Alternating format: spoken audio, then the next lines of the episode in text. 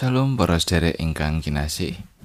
Mugi-mugi sih rahmat saking Gusti Allah tansah wonten ing kita sedaya. Pinanggih malih wonten ing Sabda Winedar, renungan patintenan basa Jawi.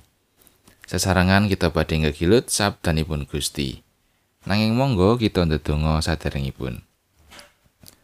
Duh Gusti Allah Rama kawula ing swarga mulya saha langgeng. Kawula abdi kagungan paduka, Suwan marek ing ngarsa paduka. Ngaturaken panuwun syukur awit berkah paduka tansah kawula raosaken ing sauruting gesang. Duh Gusti manah kawula sampun sumadyo badhe nampi sabda paduka. Sumangga mugi Gusti ingkang madangi lan nyegetaken kawula ngecakaken dawuh paduka. Tasih kathah dosa kalepatan kawula ing ngarsa paduka. Mugi paduka kersa paring pangaksami. Wonten ing asmanipun Gusti Yesus Kristus juru lan wilujeng kawula. Amin. Waosan kapendet saking Efesus bab 6 ayat sedoso ngantos kalih doso Wasana padha dadya santosa ana ing patunggilane Gusti lan kasektening panguasane Padha sikepa praboting perangi Gusti Allah supaya kowe bisa nadai gelar kaculikane iblis. Awit kang kita tandingi iku dudu daging lan getih. Nanging para pamarentah, para panguwasa, para panggedhening jagat kang peteng iki, para roh ing kadursilan kang ana ing langit. Mulane padha nyandak praboting prange Gusti Allah supaya kowe bisa nyembadani samangsa tekane dina kang ala iku lan tetep tangguh sawise kowe ngrampungake sakabehe. Mulane padha dipanggah. Lambungmu sabu ana ing kayekten lan ngrasa keadilan minangka kere. Sikilmu nganggo trumpah cumadangmu marang Injiling tentrem rahayu. Sajrone mangkono iku padha nganggo tamenging pracaya. Margane kowe bakal bisa nyirep saking panah geni saka si pangawak dursila.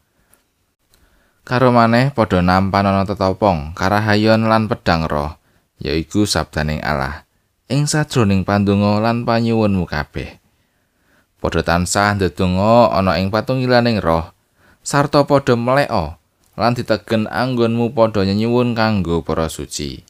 Uga kanggo aku supaya menawa aku ngucap diparingana tembungan kang bener lan supaya kanthi kendel anggonku ngiyarake kekeraning Injil. Kang tak ladeni minangka utusan kang diranti. Padha ndedonga supaya aku bisa nglairake bab iku kelawan kendel. Awit pancen kudu mangkono. Makatan seratipun Rasul Paulus dumateng pasamuan ing Efesus ayat najeng ayat sedoso Wasana dadya santosa ana ing patunggilane Gusti lan ing kasektening panguasane Temtunipun ayat menika nggadahi teges ingkang wigati Berek pasamuan ing Efesus setelah sedaya tiyang pitados saged dados pribadi ingkang santosa. Supados bab menika saged dipunwujudaken mila dipun betahaken setunggaling perjuangan. Bab menika kados ingkang dipun andharaken dening Rasul Paulus. Wonten ing wawasan Efesus menika Rasul Paulus paring pemut dhateng pasamuan Efesus. Supados sami waspada dhateng panguwasa-panguwasa ingkang boten ketingal.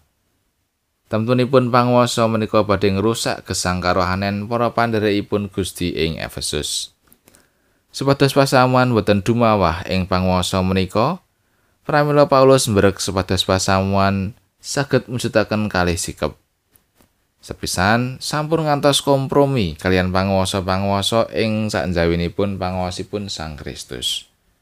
Awit nalika pasamuan menika purun kompromi, mila saged dipun pestekaken bilih piyambakipun temtu badhe dumawah. Ananging nalika pasamuan kumandel lan sumendhe dumateng Gusti mesti badhe nampi kegiatan.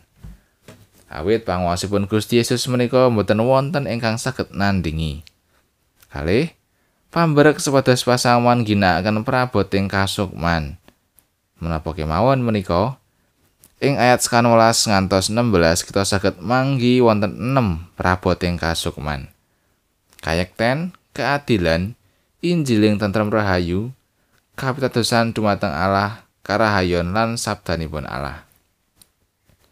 Makatan ugi wonten ing gesanging pasamuan kagunganipun Gusti ing wekdal samangke. Bilih panguwasa ing sanjawinipun Sang Kristus menika temtu wonten. Supados kita saged nglawan panguwasa menika lan saged unggul dipun betahaken kalih sikap. Sepisan, ngrumaosi bilih kegiatan kita winates. Satemah kita mbetahaken kegiatan saking ngaluhur. Kaping kalihipun ginakaken praboting kasukman. kanthi mekaten kita saged ngadepi panguwasa-panguwasa jahat lan tansah santosa. Amin.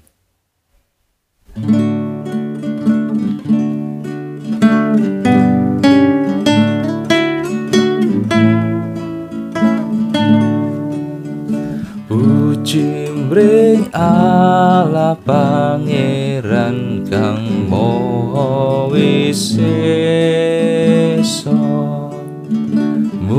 Ciramyo pinarung lan sawerni ning gongso pangitunya layan pingaing